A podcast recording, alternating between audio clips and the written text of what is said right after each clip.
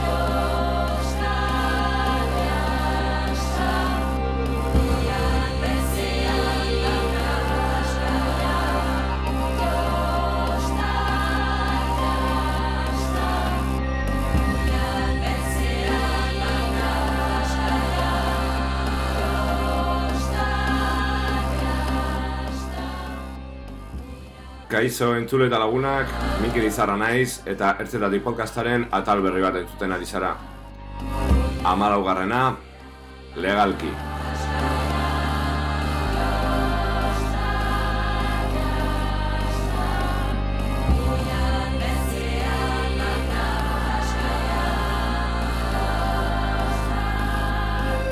Dakizuenez, atal guztiak entzun gai dituzue EITB podcastetan edo zure podcast plataforma gustokoenean. Eta, bueno, e, amalaugarren atal honetan, e, talde batek izan ditzakeen e, arerio legalak edo e, ostopo legalak gainditzeko gomendioak edo argipizkat eman nahian gatoz. Izan ere, askotan musikari hasi berrien buru uste handienak hildo honetatik datoz. Zelan kobratuko dut kontzertua, zer egiten dut bidean istripu bat badaukat, zelan kudeak kutu ditzaket nire abestien eskubideak, zelan igo plataforma digitaletara. Galdera hauek eta beste asko osoikoak dira musika egiten hasten garenean. Gaurkoan, profesional eta dituen laguntzaz, erantzunak bilatzen saiatuko gara ertzetatik podcastaren almalaugarren saioan legalki.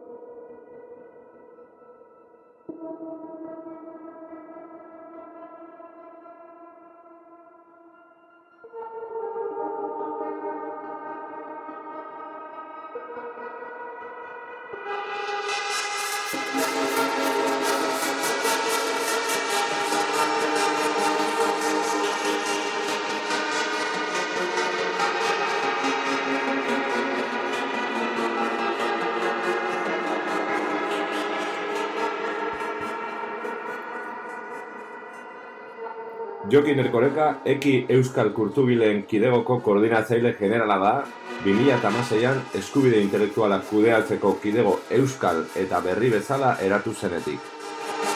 Eki eta eskubide intelektualen inguruan hitz egiteaz gain, bere esperientziaz azalduko digu talde bat aurrera ateratzearen arazo edo oztopo ohikoenak.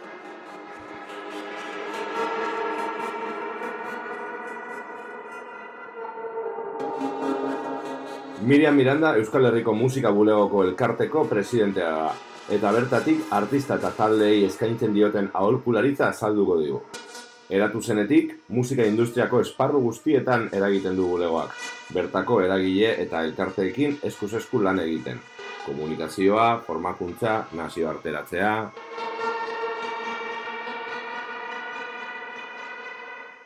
Lotura kolektiboa duela urte eskazeratu zen esena elektronikoari bultzada bat emateko asmoz. DJ saioak egite dituzte streaming bidez eta baita musika interesgarria argitaratu ere. Aurki, entzuten ari garen aldaera argitaratu dute. Bizitzen ari garen elektronikaren momentua bikain labur biltzen duen artista ezberdinen bilduma.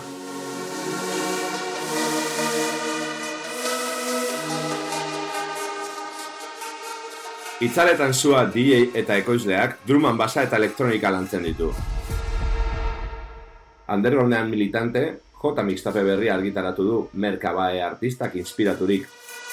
Eta atera berri den Odei bertsolari eta Drilariaren terapia lanaren zuzen eskotan DJ-a ere bada.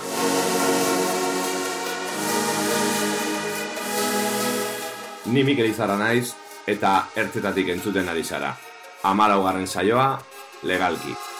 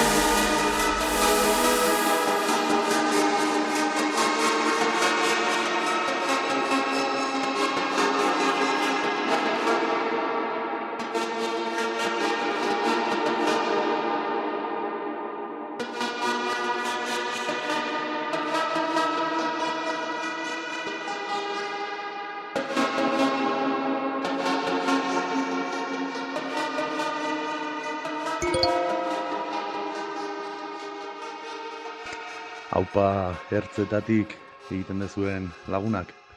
Hemen itzaletan sua, basena farroatik, hainiza monjolosetik, Andromeda estudiotik edo kimatika laborategitik, eta gaur aurkestera natorren lana J izena jarri dioten mixteipa da, lau kantuz osatutako lan bat, osorik e, nik sortua, ordenagailu bidez. Eta esango genuke jangel eta draman behizaen bideak urratzen ditula alde batetik, baina ez usaian draman behiza entzuten degun edo nik pintsatzen duten BPM-etan. Nik normalean laro gehi tamar edo eundalaro gehi BPM-etan pintsatzen dut. Eta kasu honetan eunda berroi tamar, eunda iruro gehiara jetxi naiz, pixkat esperimentatzeko. Oain dala aste bat e, merkabae izena duen DJ eta produktore bat ikusteko aukera izan nun, dantzatzeko ere. Eta sako nunkitu nindun low, low BPM roi horrek, ez? Beti drama behisa entzuten, baina, ostras, jangela pixkat erritmoz jetxita ere oso oso dantzagarria iruditu zitaiten. Eta pixkat hortik tiraka, etxea iritsi nintzen, doinu txiki bat atera zitzaidan, hau izan zen amalauan, eta edo amabostean. Eta hoxe, jende guztia oporretan zehola, ni ikasteburu hartu nun estudioan sartu eta lanean aritzeko, eta ba, emeretzian, astelenean laukantaekin aurkitu nintzen, eta esan nun, venga ba, ba mixtape bat ez labotako dut. Eta horrela sortu zian, Thanks Merkabae, lehenko kanta, Dance Close, bigarrena, Fear, hirugarrena, eta Fly, laugarren airea. YouTubeen dituzu entzun gai. Ba, momentu hontan hainbat sortzaileekin abil elkarlanean, aipatu izu edan bezala proiektua konpartitzen dut odeiekin, zuzenekoetan, bere DJ-a naiz. Eta bestalde, ba, hainbat jenderekin abil batean eta bestean, adibidez gazteizko enkutsilada, seko jendeaekin elkarlanean abil, bai eta ere Aritz, Bozer eta Erik Poserekin, gazteizko BNC eta Erik produktorea ere bada, eta haiekin azken hilabete hautan aire batzuk bota ditugu, kanta batzuk egin ditugu. Bai eta ere iruñaeko jende batekin, adibidez de lakuria eta txandal bandal, sekin zerbait egiten nahi gea. Bai eta ere parke piedra sekin. E, Estremadurako talde batekin ere kanta bat botata dukat. Hola, batean eta bestean ba, bueno, musikaren bidea hauetan ezagutzen duten jendearekin laneako irekita nago eta eta motibatzen nago jende horrekin ez daukat inungo arazoek laneako eta batez ere kiston plazera ematen dit musika ulertzeko eta sortzeko modu berriak aurkitzeak. J mixtapeak daukan berezitasuna nik esango nuke dala asteko musika instrumentala da, dantzarako egindako lautrak dira. Gero itzik ez eukitze horrek, ez du esan nahi sentimendurik ez danik transmititzen, eta horrekin zentzu hartzen dute kanten izenek, ez? Iruitzen zait, ba, bueno, ariketa oso polita izan dela, lau egunetan zehar sortutako lau aire bere hortan e, publikatzea eta jendearen iritziak jasotzea. Eta iruditzen zait, ba, bueno, pixkat esperimentaletik ere badaukala, alegia dantzatzeko doinuak dian arren, lehenengo biak adibidez, aipatueten jungle low BPM batean sortutako bikanta dia, lehenengoaz e, thanks merkabae, ba, garbi dago, ba, tipoa entzun eta bere inspirazioari eskerrak emateko kanta horri izena, bere izena jarri diot. Bigarren kanta Dance Close oso oso polita iruditzen zai gelditu dela, oso kanta dantzagarria eta inkluso perreatzeko kanta badala iruditzen zait. Gero hirugarren kanta, fiar, iruten zait pixkat e, misterio, beldur, eta bueno, hor sartzen da, ba, bakoitzak bizitzaren aurrean ditun ez jakintasunak, eta dudak, eta adibidez nik e, aitatasunetik, ba, sei urteko aur badaukat, eta persona autista naizenez, ba, bueno, horrek ere sortzen dizkit nire hipersensibilidadetik beste kezka batzuk, ba, ea nola hunditu, eziketa, Eta bueno, beldur roiek pixkatateatzeko aire bat, iruditzen zaida la fiar.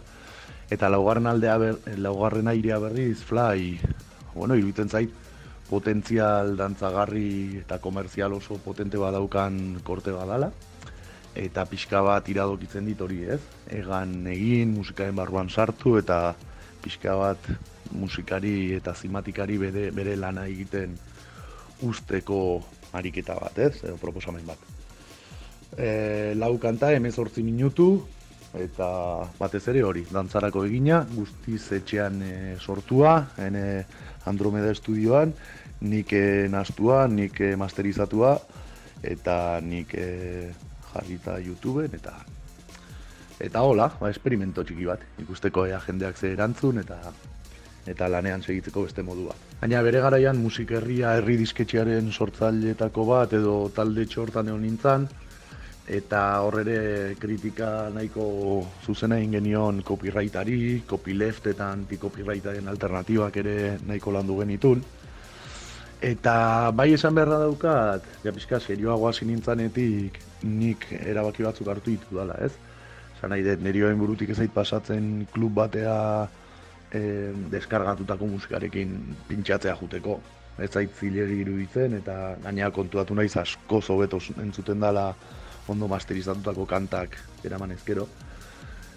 Nik nire gaitasunetan eta nire musika ulertzeko moduan sinesten dut, maite dut eta beharrezkoa zaut, existenzialki. Ludikoa eta estetikoa aspaldi gain dituzu nire bizitzan musikak.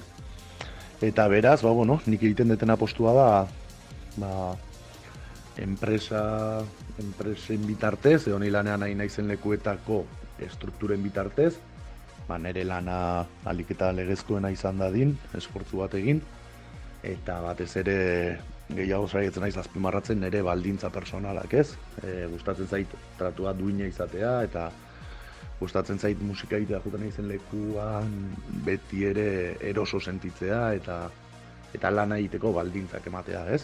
Beraz, gehien bat alde hortatik kokatzen den nere lana edo. Haupa, mil eskera hundi bat, aukera honengatik eta espero dezuen gustokoa izango dela J mixtapea eta nere musika gehiago entzuteko gogo haukan ezkero SoundClouden hitzaletan sua izenean hor aurkituko ez duten ere musika unibertsoa. Aio, aio!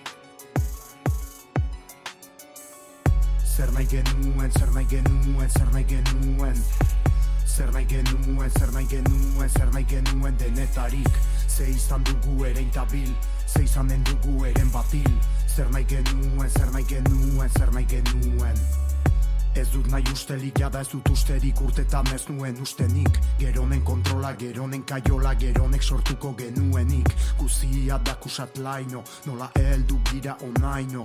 Etxaien lagun bilakatu gira lagunak etxai bihurtzeraino. Karrikatik goaz mesfidati, eta errua beti beste bati. Ezkerrera edo eskuinera joan GPS gabezin erabaki. Karrikan zehar mikroik ez da behar, bakoitzak berea daramaki. Zer da realitatea fikziorik gabe, inok bizitzen ez badaki. Zuri ala beltza, la rosa ala asuna Zein errazitzali diguten Kritikarako gaitasuna Osasuna, nahi duzuna Saldu zaidazu laguna Baina beldurrak itxutu gaituta ikusten dugu berak nahi duna Lehen nola orain pasata gero ai kontra esanetan ego nahi. Jendeak zer nahi du gehiago ematen zaigu ez baitugu gutxio nahi Elkarrizketa manuak nor naik Karriketa mamuak non nahi. Txarrena onartzera iritsi gira gure ustezko egun hobeen zain Zer nahi genuen, zer nahi genuen, zer nahi genuen Zer nahi genuen, zer nahi genuen, zer nahi genuen denetarik. Ze izan dugu ere intabil, ze izan den dugu eren batil. Zer nahi genuen, zer nahi genuen, zer nahi genuen. Zenbat lobi dauden lodi. Aiek tori, zu erori Taberdina edo nori Zer da hoien gandik nahi duzuen hori? Jokoa ez da zuzena bate Baina finida xake mate. Izan nahi baduzu zukonen parte Obedi ezazu puntuta aparte. Aski kate, aski kalte Ezarri zaizkigu gaur arte, geldi dadin isiltzen gira, baina isiltzen girelako segi dezake. Ez dugu besteekin bizi nahi, baina ezin dugu bakarrik bizi. Jada poliziarik ez dugu behar gu geu gira geure polizi. Balkoitan daude epaileak, saretan lekzio emaileak. Atzoko errebeldeak dira gaur dugun sistemaren bultzatzaileak. Zuen zat jolas baloia, zuen zat diru taloiak. Zuen belardian jolastea baino nahiago basataloia. Beti mugan, beti dudan, ez alda betikoa gugan. Abstentzioaren demokraziak asumitutako diktaduran. Gizarte bat bitaldetan, utxuneak bialdetan. Oinotzak beroetan, Ta gainekoak irriz bulegoetan egunez egun. Aroz, aro, globoari so, nago, mago. Sentitu nahi nuke baina ez dut uste naizenik ezer gehiago Akabo arago, joan nahi dut baina ez naiz nik nahi aina ezin Marra igaro, inoizko gizaki gehien gaudeta Inoizko gizatasun gutxien dago. Zer nahi genuen, zer nahi genuen, zer nahi genuen. Zer nahi genuen, zer nahi genuen, zer nahi genuen denetarik Ze izan dugu ere intabil, ze izan den dugu eren batil Zer nahi genuen, zer nahi genuen, zer nahi genuen Ertzetatik. Kaixo gazteako lagunok, hemen gauz bueltan, ertzetatik amalaugarren saioan, oraingoan legalki ibiliko gara, edo bueno, e, legeen inguruan, edo talde batek e, legalki behar duenaren inguruan, edo ez. E, eta bueno, beste gonbidatu batzuen artean, Jokin erkoreka dekogu, e, Jokin aspaldiko laguna da, e, jo taldeetan eta jo izan du, eta, bueno, duela urte batzuk, e, eki abiatu zuen, edo, bueno, ekiko koordinatzaile hasi zen, e, bueno, berak kontatuko digu zer den eki, baina zer jokin? Apa, Mikel, oso ondo, albonetatik. Epa, oso ondo, oso ondo. Aspaldiko partez, eh? E, orain ta- taldearekin amar urte ja egin zen- zenituzten, uste dut, ez? Azotzekin. Bai, orain e, maiatzaren zazpian izango dira amala urte gure lehenengo kontzertutik. Ojo. Pets. E, eta kontzertu bat egingo duzu, e, Muelle Tabernan Bilbon, e, aspaldiko partez ere bai, uste dute pandemia aurretik ere jobarik e, zeundetela, epe bat e, kaleratu berri zeneukaten, eta ez dakit hor zer gertatu zen, baina zelan gogoekin. Bai, bai, gogotxu, bai, datorren astean daukagu kontzertu bat, aprilaren hogeta marrean, eta, eta bueno, e, gogo zeria esateko, aretoan jotzeko, e, eta Bilbon etxean. Mhm, mhm. Em, bueno, amala urte hauen buruan, pues, aurkitu gara, e, toki ezberdinetan, eta joan gara ez dakit paraleloki, ba, ez dakit jugada komentatzen, edo zelan esan, ez? Mhm. Baina bai askotan bilatu izan ditugula, edo komentatu izan dugula, zelako arerioak dituen talde batek, edo zelako arazoak eta zelako ezjakintasunak ditu, dituzten talde gazte askok, eta gu ere gazte ginenean, edo jarraitzen Mhm. bagara izaten, baina, bueno, oso gazte hasi ginen, eta urte asko dara mazkigu, ba, ba, bueno, gauza hauei bueltak emoten, ez? Eta nire ustez, ba, bueno, nire jarrera beti izan da partekatzeko informazio hori, ez? Eta gaurko saioa apur bat, eh, zera, bide, bide horrekin planteatu dut, edo ez dakit eh, zelan, zelan esan, eta azteko horregatik eh, galdetuko nizun, zuk taldearekin zelako ez dakit, arerio legal edo arazo nik baditut batzuk eh, apuntatuta gertatzen zitzaizkigunak eta oraindik gertatzen direnak baina zer beharko luke legalki talde batek ondo aurrera juteko edo Bueno, e, Edo zuen, galdera- zuen, zuen, zuen kasuan parkatu bai, zuen kasuan. Galdera oso korra da, baina e, baimentzen badiazu, egin dezakedana da, e, kontatu agur bat gure esperientzia nondik zen eta eta nola ikasi dugun gauzei buruz. E, guk, e, bueno, hasi ginenean, beste edo zeinek bezala, e, amazazpi urterekin eta bilbarrokeko lokaletan ensaiatzen, ba, bueno, e, ez geneukan inolako formakuntzarik, e, gai hauetan eta eta bueno, gure gure helburua zen musika aurrera ateratzea beti izaten den bezala gazte taldeen artean eta eta gutxi pentsatzen pentsatzen genuen gai gai hauei buruz. Egia da, e, ez garela bizi garai baten non ba agian eh, editore batek, ala, ala kompainia, bueno, eh, diskografika batek, eh, ba, bueno, taldeak ez ditu ez dituen nahin beste zatartzen, eh, kontuan hartuta, ba, bueno, eh, CD-aren jauziera e, miagarren amarkadan, eta, eta kontuan bueno, hortik dauden diru sarrerak asko gutxiago direla, eta diskografikek eta editorek, ba, bueno, askoz gauza zehatzagoak egiten dituztela, eta askoz mimo gehiagorekin azken aldian. Baina, e, ba, bueno, gu bezala eta zu egon zaren beste hainbat talde bezala, e, autoekoizmenak egiten genituen taldeen artean, ba, askotan airean geratzen ziren gauza asko. E, planteatzen genuen adibidez, e, jabetza intelektualeko eskubideen babesa.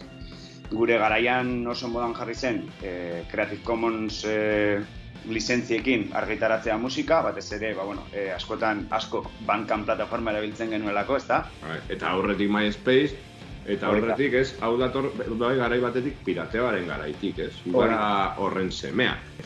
E, nik uste dut, be, zugu esala, eh? Oso, 2000 garren, 2000 eta bostetik, 2000 eta amarreko tarte horretan, asko deskargatzen genuela musika, gu ez ginela musika deskargatzen, orain ez dugu, e, ez diogu inori deskubrituko, eta ez dut uste polizia gure atzetik etorriko denik, baina bere garaian, bere garaian, ba, zeuden historia pila bat, eta estatu batuetan adibidez, gertatu zen, musika e, e, P2P, e, peer-to-peer sistemaren bitartez deskargatu zuten hainbat pertsona, e, atxilotu zituztela. Orduan, karo, horrelako historien aurrean, taldeak hasten dira ba, reakzio batekin eta esaten dute, begira, nire musika deskarga daitela. Ze azken finean ni naiz talde berri bat, ez naiz hain ezaguna eta interesatzen zaidana da, e, ahalik eta posible den beste nire musika edatzea.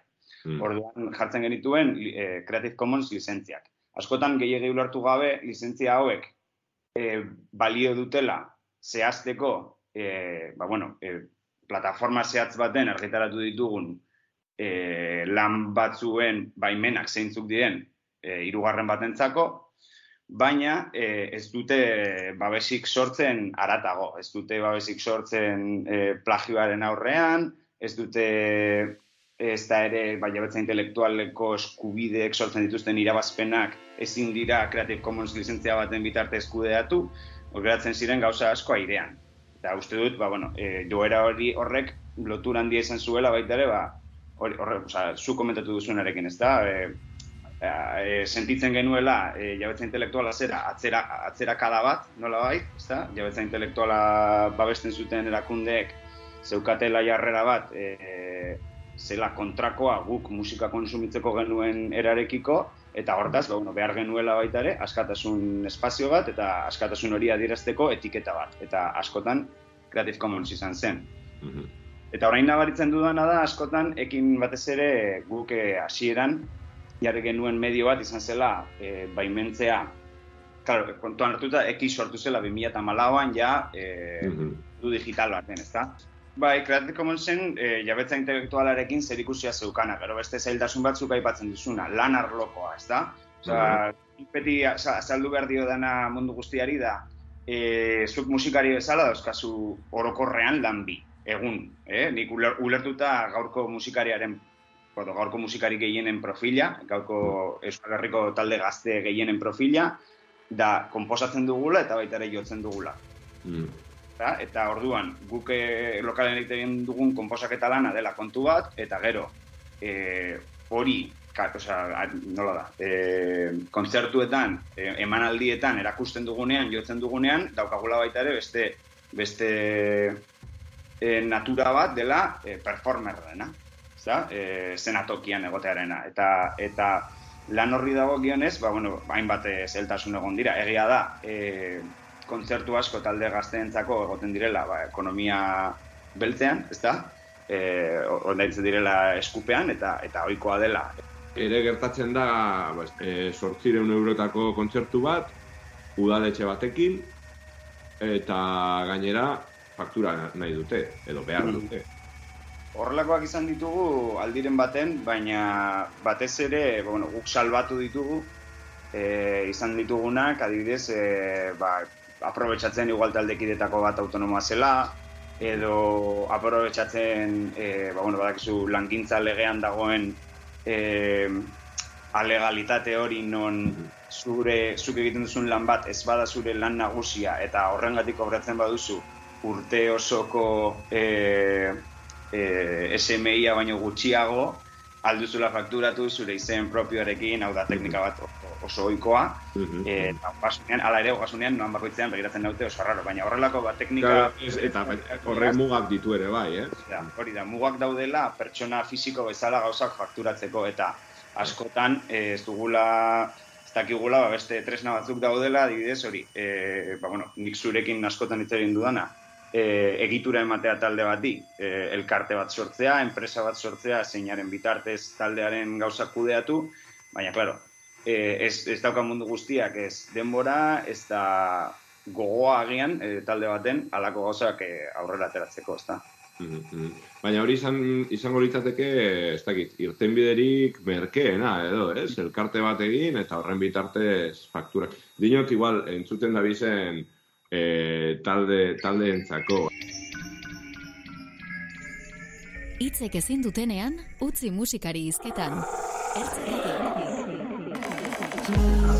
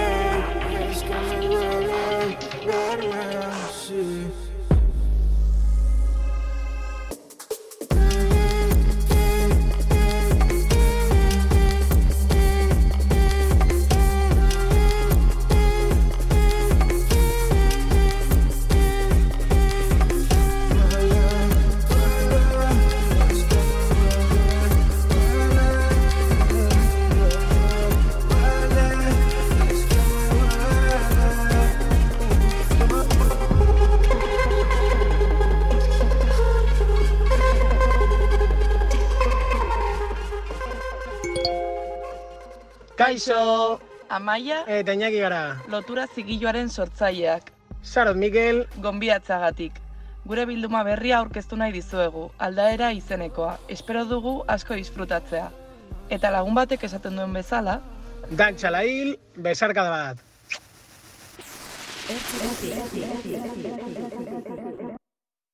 Niri oso baragarri iruditzen zait, e, genituen aurre iritziak edo dauden aurre iritziak askotan, e, ba, gu zera bankanpera eta youtubera eta myspacera gure izena lodi-lodi jartzen genuen, baina gero nahiko, oza, nagi handia zartzen zaigu edo ez dakit edo aurre iritzi asko ditugu esatean hau nire abestia da eta mesedez errespeta ezazu nirea den o, abestia. E, vale, zuk ez duzu nahi, e, osea, e, nahi, copyright bat jarri edo edo ez gaen altan emon, baina badituzu beste herramienta batzuk, ez?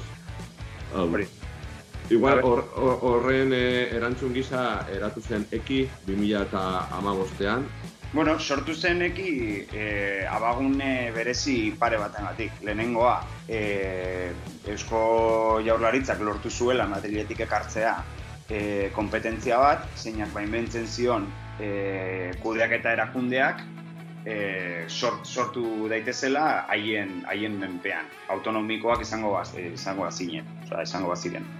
Eta orduan, ba, abagune horretan elkartu ziren, elkarte gutxi batzuk eh, Euskal Herrian, bere momentuan izan ziren eh, Euskal Idazlen elkartea, Euskal Editoren elkartea, musikari, eh, bertsotzalen elkartea, eta Euskal Ilustratzaileen elkarte. Ikusten duzunez, ba, sortzaile asko, mota asko daude, eta ez da bakarrik esgaetik ateratzen diren egile, egile eta musikariak, edo antzerkigileak, baizik eta baita e, idazleak, baita margolariak, baita eskultoreak, baita ilustratzaileak, badago presentzia bat e, sormen e, abar guztiena, ekiren sormen. Eskubide intelektualak, edo. Hori da, eskubide intelektualak, baina denari dago Eta bai, bai izan zen, ba, nola baita erantzun bat, e, generatzama, osea, e, genera, generamatzen, esango dute ama, rama urte entzuten behin eta berriz Tedi Bautistaren inguruan, Ramontinen inguruan, berriak ez garen inguruan ziren oso oso txarrak. Ezta? Mhm. Eta, eta egia da elkarte bakarra dela. Baina, Bai, bueno, arazoa hor dago, ez? Osea, guk ez gai horregaitik ez- ikusten genuen arrotz, edo iku- uste dut ikusten dala, ez? Dalako monopolio bat, azken finien, ez? Eh, izan zen, hau da, nik nire zera, nik kudeatu nahi dut, nik nahi dudan moduen, eta norbaitek eskatzen, bueno, nik nahi dudan moduen, orokorki, ez?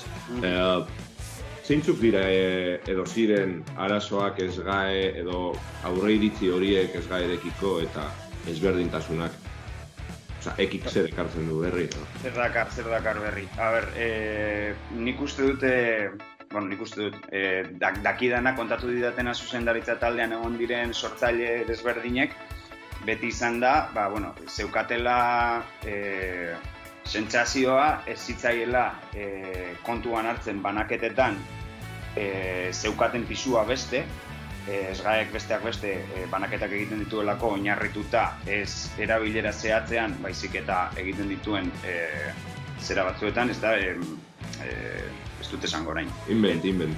Bai, inventen, baina lortzen nauzu. Eta, eta gero, ba, bueno, orduan, e, ez bakarrik e, ez garen diruaren kudeaketarekin, baizik eta baita ere, ba, bueno, esgak sortzen zuen irudiarekin, eta ez garen egoteak sortzen, haiei sortzen ziren, ba, bueno, e, disoziazio moral horrekin. Eta orduan, ba, bueno, e, elkartea eki sortu zuten, elkartea sortu zuten, batez ere e, ikusten zituzten zailtasun horiek gainditzen saiatzeko. Orduan, ekik dakarren desber, des- dakartzen desberdintasunak dira printzipioskoak, lehenengo, kudeaketa izan dadila erabilera zehatzagatik, hau da, identifikatu daitera erabiltzen diren obrak, eta kobratu daitela bakarrik proportzioan erabiltzen dena. Erabiltzailearentzako askoz justuagoa da, eta bazkidearentzako askoz justuagoa baita ere jasotzen duelako zehaz zehazki bere obrarek bere obrak izan duen inpaktuaren balioa. Mhm, mhm. Gero, eh, asanblada orokorrean, eh, bozka bana bazkide bakoitzeko. Hau da, kontu historiko bat, elkarte, osea, kudeaketa erakunde guztietan. E, nola diru gehien lortzen duten bazkideek daukaten botoen ponderazioa eta haien botoek e, hortaz daukaten dau- daukan askoz ere pisu gehiago besteenak baino. Orduan horrelako kontuak ekiditeko gauzak. Eta gero, beste gauza garrantzizko bat izan zen, e, sortzaile askok nabaritzen zutela, e, agian errigintzarako egiten zituzten sormenak, e, kudeaketa erakundeek baita ere aprobetxatzen zutela hori kobratzeko, eta hiek ez zutela nahi. Baina kudeaketa erakunde hauek, monopolistikoek, esgaek, zedrok eta bestelakoek, e, gehienetan haien kudeaketa kontratuetan behartzen zaituzte, Bai. zuk inoiz sortu dituzun obra guztiak iraganean eta etorkizunean sortuko dituzunak altan ematera haiekin. Guk ez dugu behartzen, ekik ez du behartzen. Horri da baita ere desberdintasun eta bueno, erosotasun bat ematen zaiona bazkideari erabaki dezan zer gauza nahi dituen kudeatzea erabaten eta zer gauza nahiago dituen bere kabuz kudeatu.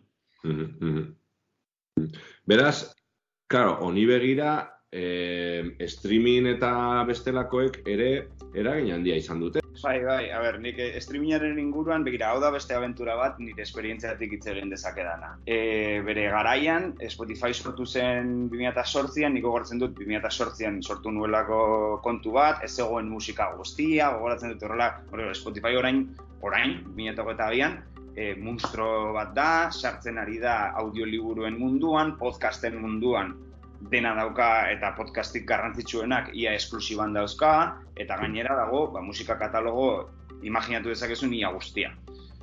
Eta orduan, ba, bueno, e, e, orain monstro bat denez, e, zaila da imaginatzea, bere garaian izan zela alternatiba bat, zeina musikari asko ikusi genuen, oso nik bere garaian Spotify eta eta bestelako streaming zerbitzuak ikusi nituen salbatzaile bezala, esan nuelako. Deskarga ilegala beharrean, jendeak nahiago badu gauza bertan entzun, eta hauek ordaintzen badigute zuzenean play bakoitzagatik, kontua zen, ez genekiela zenbat ordaintzen zuten play bakoitzagatik. Orduan, ba, bueno, Claro. hori da beste, beste kontu bat, e, talde askok egiten duguna, ezta gure musika nahi dugu toki guztietan egotea, eta saiakerak egiten ditugu bilatzeko, batez ere internet bitartez, e, erdi bitartekoak, e, gauzak egon daitezen ikusgarrien, baina hori dator prezio batekin eta da e, jarraitu behar ditugula ba, industria berri honen arauak eta industria berri honen arauak da musikariantzako musikariantzako dirua zero. E, oso garrantzitsua iruditzen zait, e, jendeak aukera hori izatea. E, Spotify eta bestelakotara abestia zuzenean igotzeko, ez? O, baina, karo, hor erdibidean bestelako editorial batzuk daude. Uh, zuk gomendatuko zenioke norbaiti bere youtubera kantua igo baino lehenago uh, horrelako ez dakit, editorial bat bilatzea edo edo zera, e, eki elkartean altan emotea, edo ez gaen, edo Creative Commonsen, osea, hor zerako eragina dauka. Bai, e, baldin bueno, badituzu zure...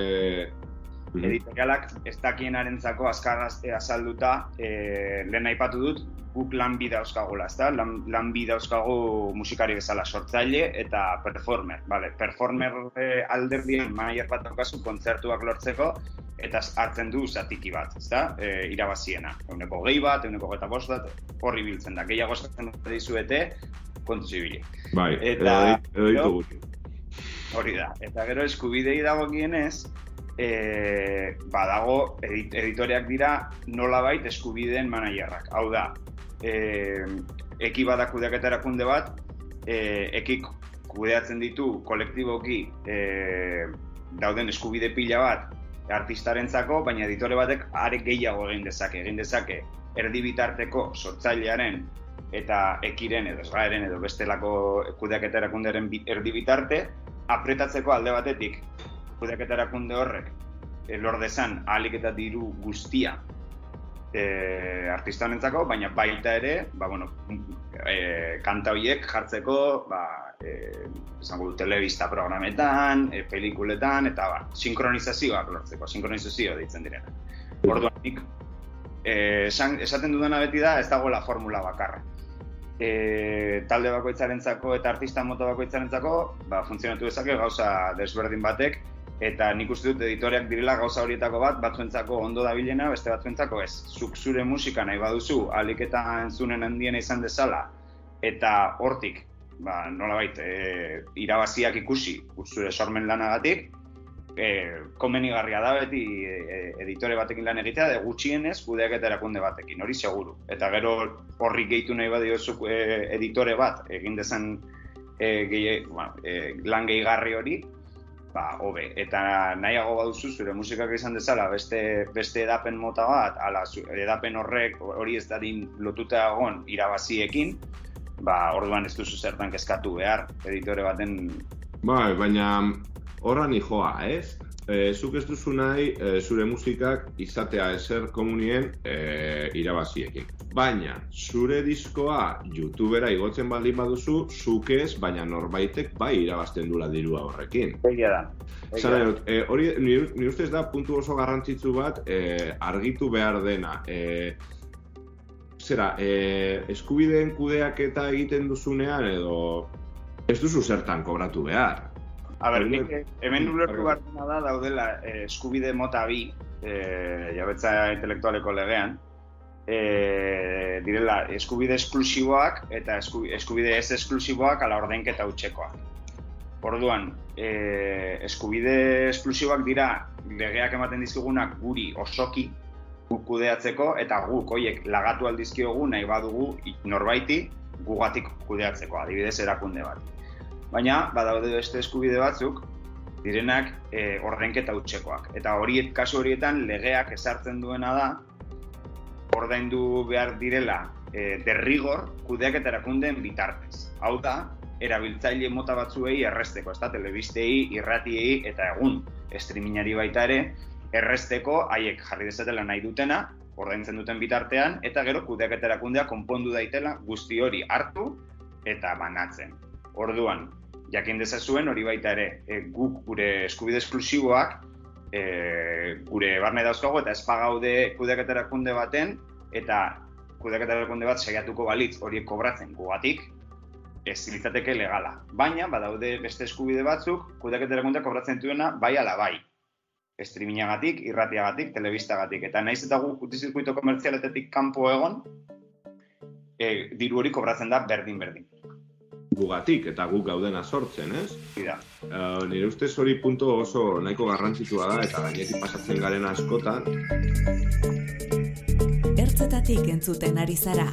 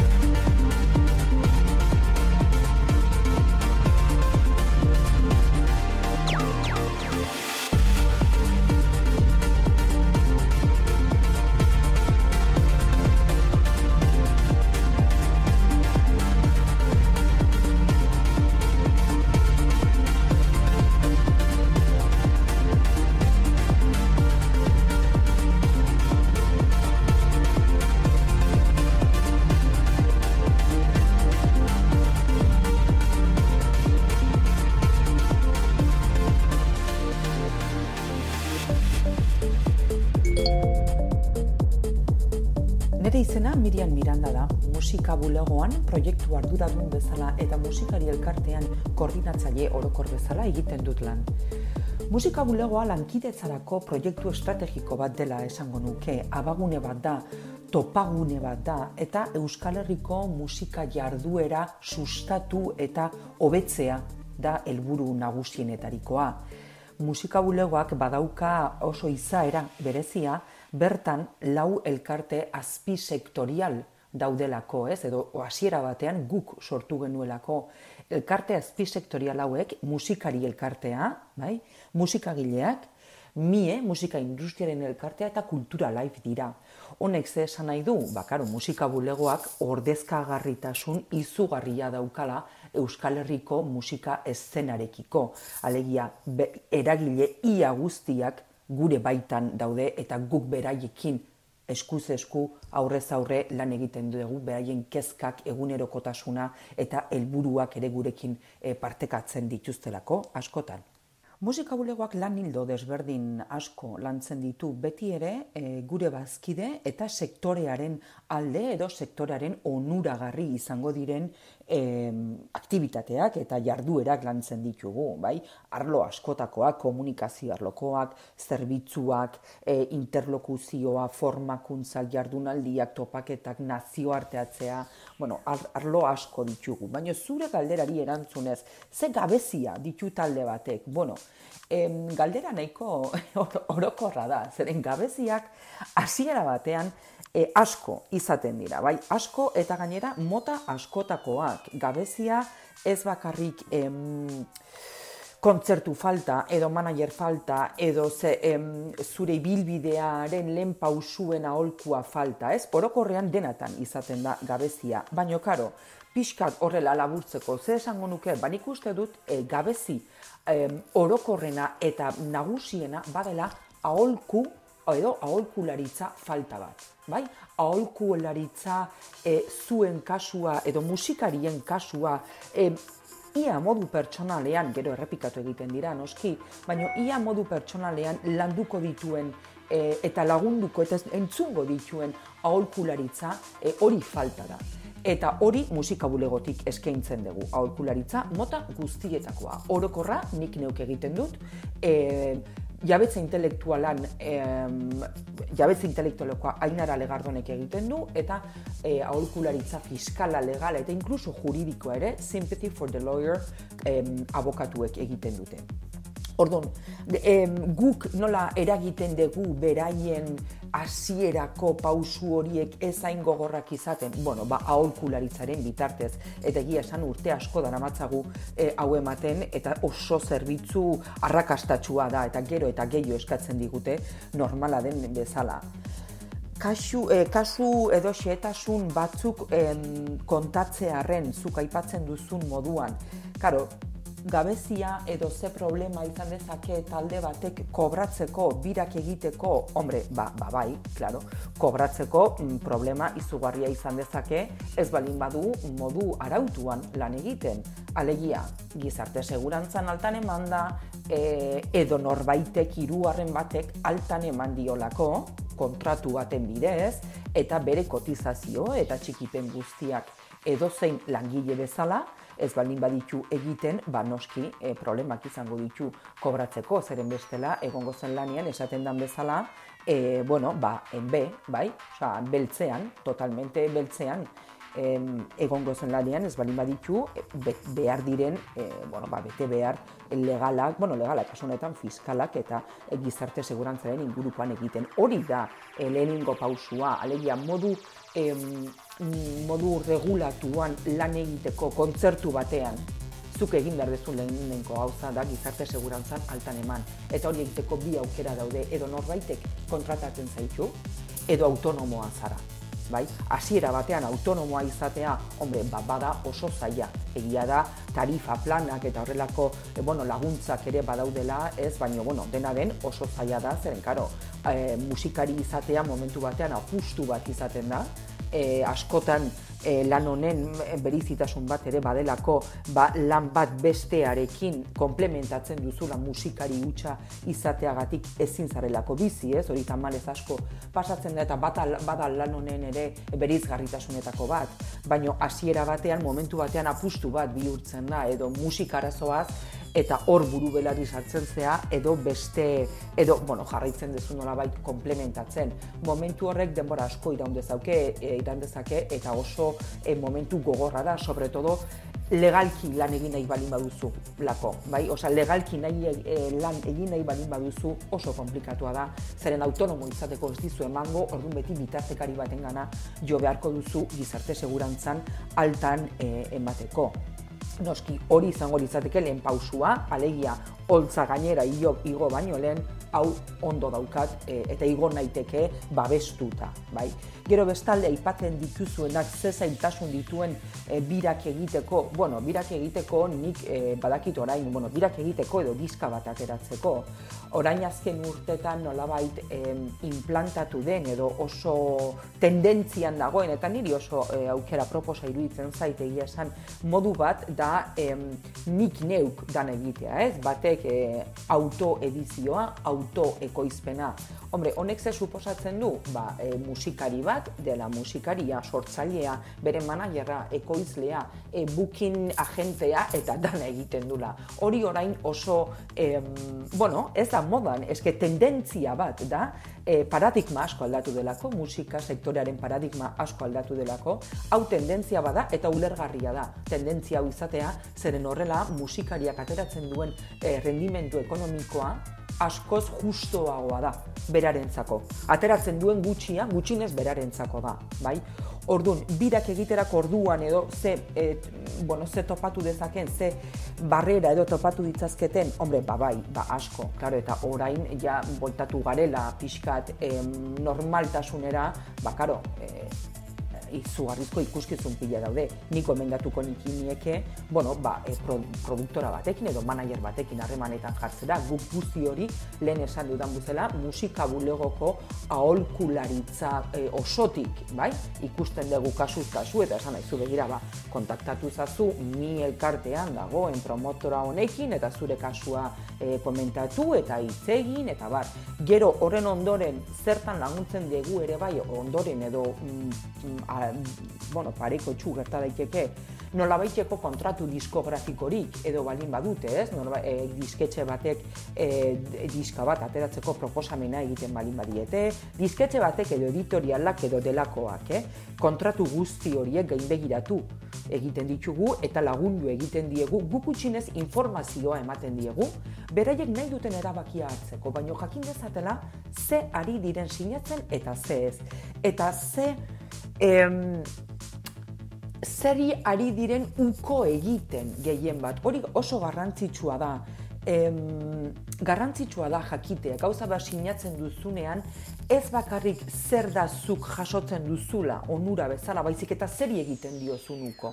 Hori oso garrantzitsua da. Eta ulergarria da, hasieran gehien batez, e, talde baten edo bakarlari baten ilusioa eta e, kemena da diska bat ateratzea, diska bat publikatzea, eta gainekoari ez diogu hainbeste kasu egiten.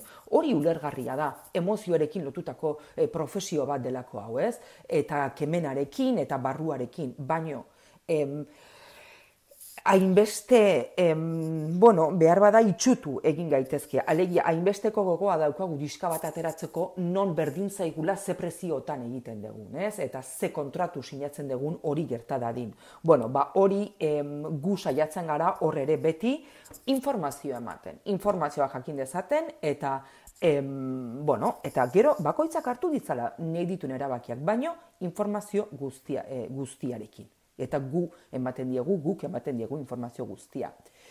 Honekin uste dut pixkat esplikatu dizu dudala nola lan egiten duen, nola laguntzen duen musika bulegoak talde hasi berri bet, e, taldea.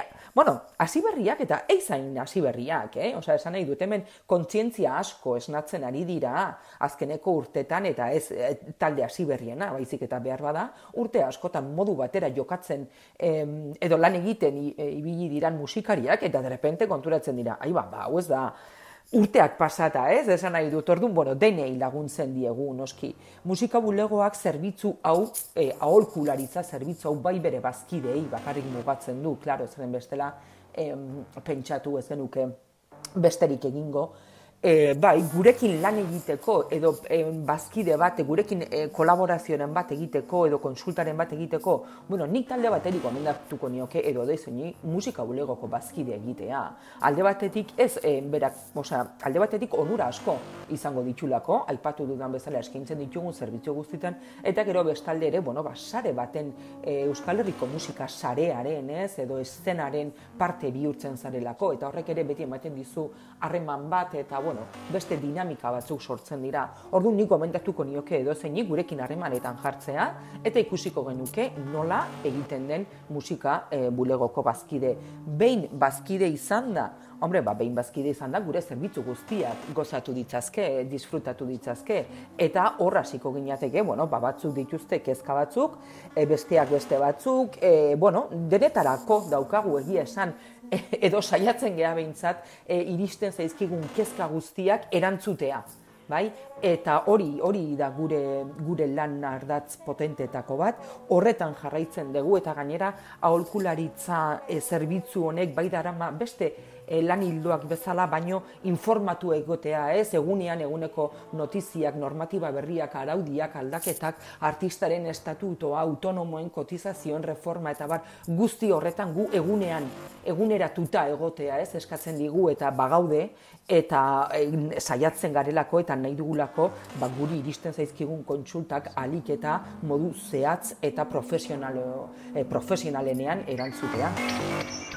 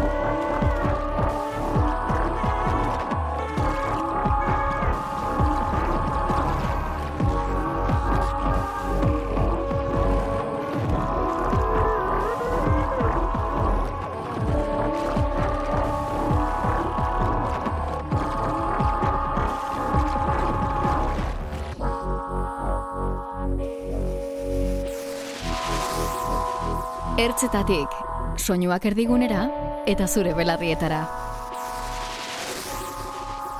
Orduen, e, labur biltzeko, e, hiru arlo ditu musikariaren lanak, editoriala argitaletzekoa eta zuzenezkoa, ezta? Hori da. Gaur egun etorriko zaizu putreren bat eta hirurak bat egingo dizkizu.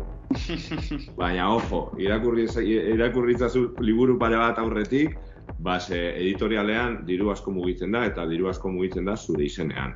Hori da.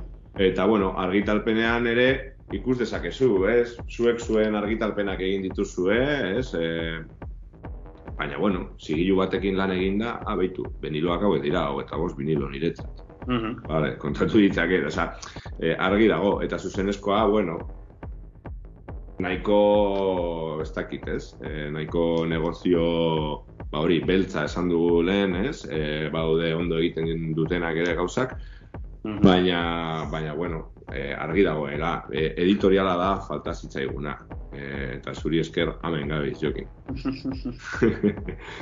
Ba, gero zuzenezkoan, kontatu ditzazkegu pilo bat, ez? E, bebain nituen ametatu hemen, seguruak, altak, karo, ni furgoneta jarri dut askotan, biran juteko, eh? Bai, bai, bueno, furgoneta jarri. E, lan, lana egin e, jotzetik kanpo. Gauzak montatu, kablea eta kablekin ibili, osea, e, nik uste dut e, lan, osea, jotzeko, zuzenean jotzeko lanari dagokionez, bada, daudela e, kontu pila bat oso zailak direnak e, kudeatzeko, ze azken finean sortu da ekonomia bat non babestu den lehen aipatu dugun sistema hori, no? Zeinen, zeinen bitartez e, ba, bueno, jentak sortzen dituen enpresak ala elkarteak eta asko zerrezago den horiek kontratatzeko, baina gero enpresa horrek ala elkarte honek e, ba, bueno, bere barne hartu behar ditu, bezako ordaindu, PFSako ordaindu, aseguruak izan, e, ez dakit, Claro.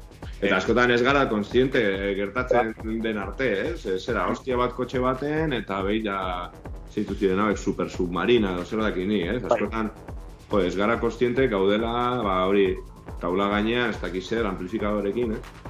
Eta sortzen dela babes, babes gabetasun bat. E, artista sortzailearentzako, bueno, beti izan da beti izan da horrelako kezka bat e, eta kexa bat daukatena. Ez da nola, nola den posible lan arloan ez izatea babes gehiago. Egia da, e, azken urteetan planteatu zen sistemak e, nolabait porrot egin duela, kontuan, akotzu kontuan hartu planteatzen zena e, artistaren estatutuarekin, zeina erdi, er, garapen erdibidean dagoen, osea, zeinaren artikulu batzuk onartu ziren orain dela urte batzuk, orain ari dira beste batzuk e, garatzen, agian ateratuko dituzte eta aterako dute lege oso berri bat, ez dakite oraindik nola artikulatuko duten kontua.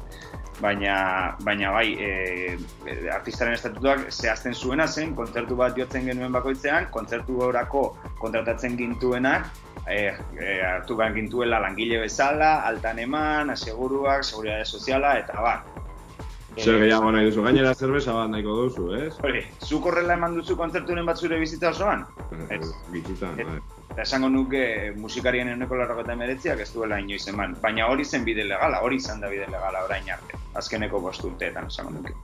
Eta, eta egoera ez da aldatu, Osa, naiz eta aukera hori eman, naiz eta mandatu hori eman, naiz eta lanari legearen bitartez duintasun hori eman, industriaren praktikak, ba, industriaren praktikak dira, eta azken finean, e, musikariak nahi diona da, e, bezeroari erreztu, eta egitura jada da eginda daukanak ez du aldatuko.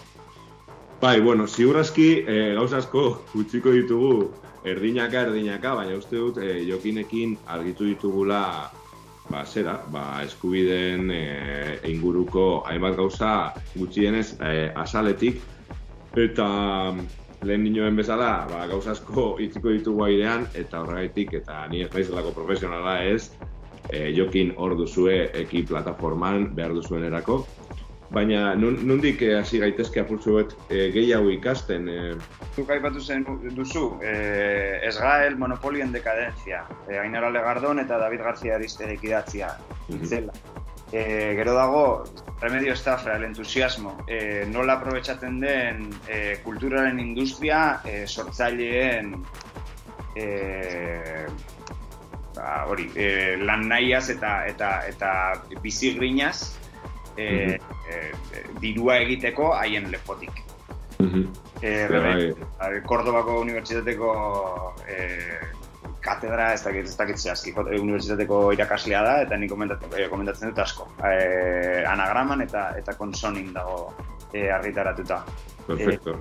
Nik daukate García Aristegirena, ¿por qué Marx nunca habló de copyright? E, gustatu zaidan egiten du olako, ba, bai, ba, horren inguruan olako historia klase magistral bat, eta, bueno, ba, paratzen da Marxen lepotik eh, farra egiteko ere, bai.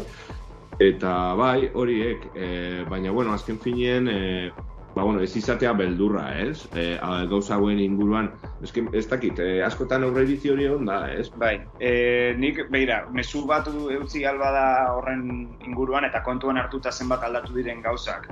Aipatu dugun lehenengo alditik, ez da pirateriaren hasieratik, 2000 eta demagun, lau, iru, e, realde honetan. E, eta egun arte zenbat, zenbat eh, aldatu diren gauzak, esango nuke baita ere, ba, guk musikariok ondo egingo genukeela e, aurre horiek gainetik kentzen, prejuizio horiek gainetik kentzen, eta jabetza intelektualari dagokionez eta gure eskubide dagokienez galdetu dezagula gutxienez.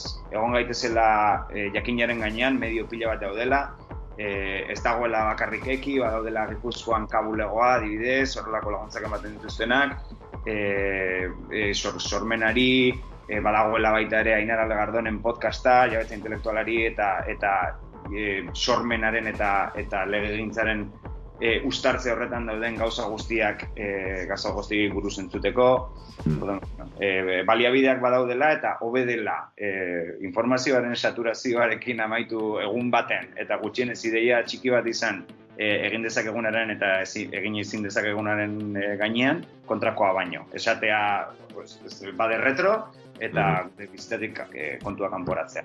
Ba, bueno, nik ere azken gomendio bezala, ba, zuzenezkotara jun, azotz bueltatuko dira, e, moi aretoan, eta viniloa fisikoa erosi mesedez, ez? Jokin? Bai, bueno, e, Horrez nik dago dudarik. bata, gauza batek ez du bestea kentzen. E, kultura kontsumitzen dugunean, e, izan behar duguna da kontuan, artista zaintzen ari garela, haren produktuak erosten ditugunean zuzenean, eta zenbat eta erdi bitarteko gutxiago dauden, ba, harik eta etikoago dio, e, doala diru hori, eta kasu, egungo kasuetan, Euskal Sortaile gehiengoaren artean, e, erosten ari gara produktua zuzenean artistaren gandik. Orduan, talde bat gustuko bauzu, erosio zu zerbait, eta babestu. Ok, Jokin, eskerrik asko apurtxo bet argia emotea gaitxik, eta zuzenezkotan gauz. Bai, bai, Mikel, zeuri eskerrak. Venga, besarkada. Bai.